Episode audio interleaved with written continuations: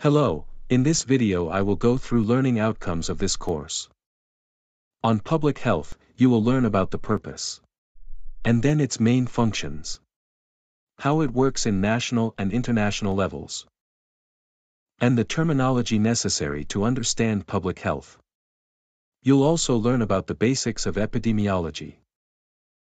In the second part of the course, you will learn about Norwegian healthcare system and its rules and regulations. Hope you enjoy it and thank you for watching.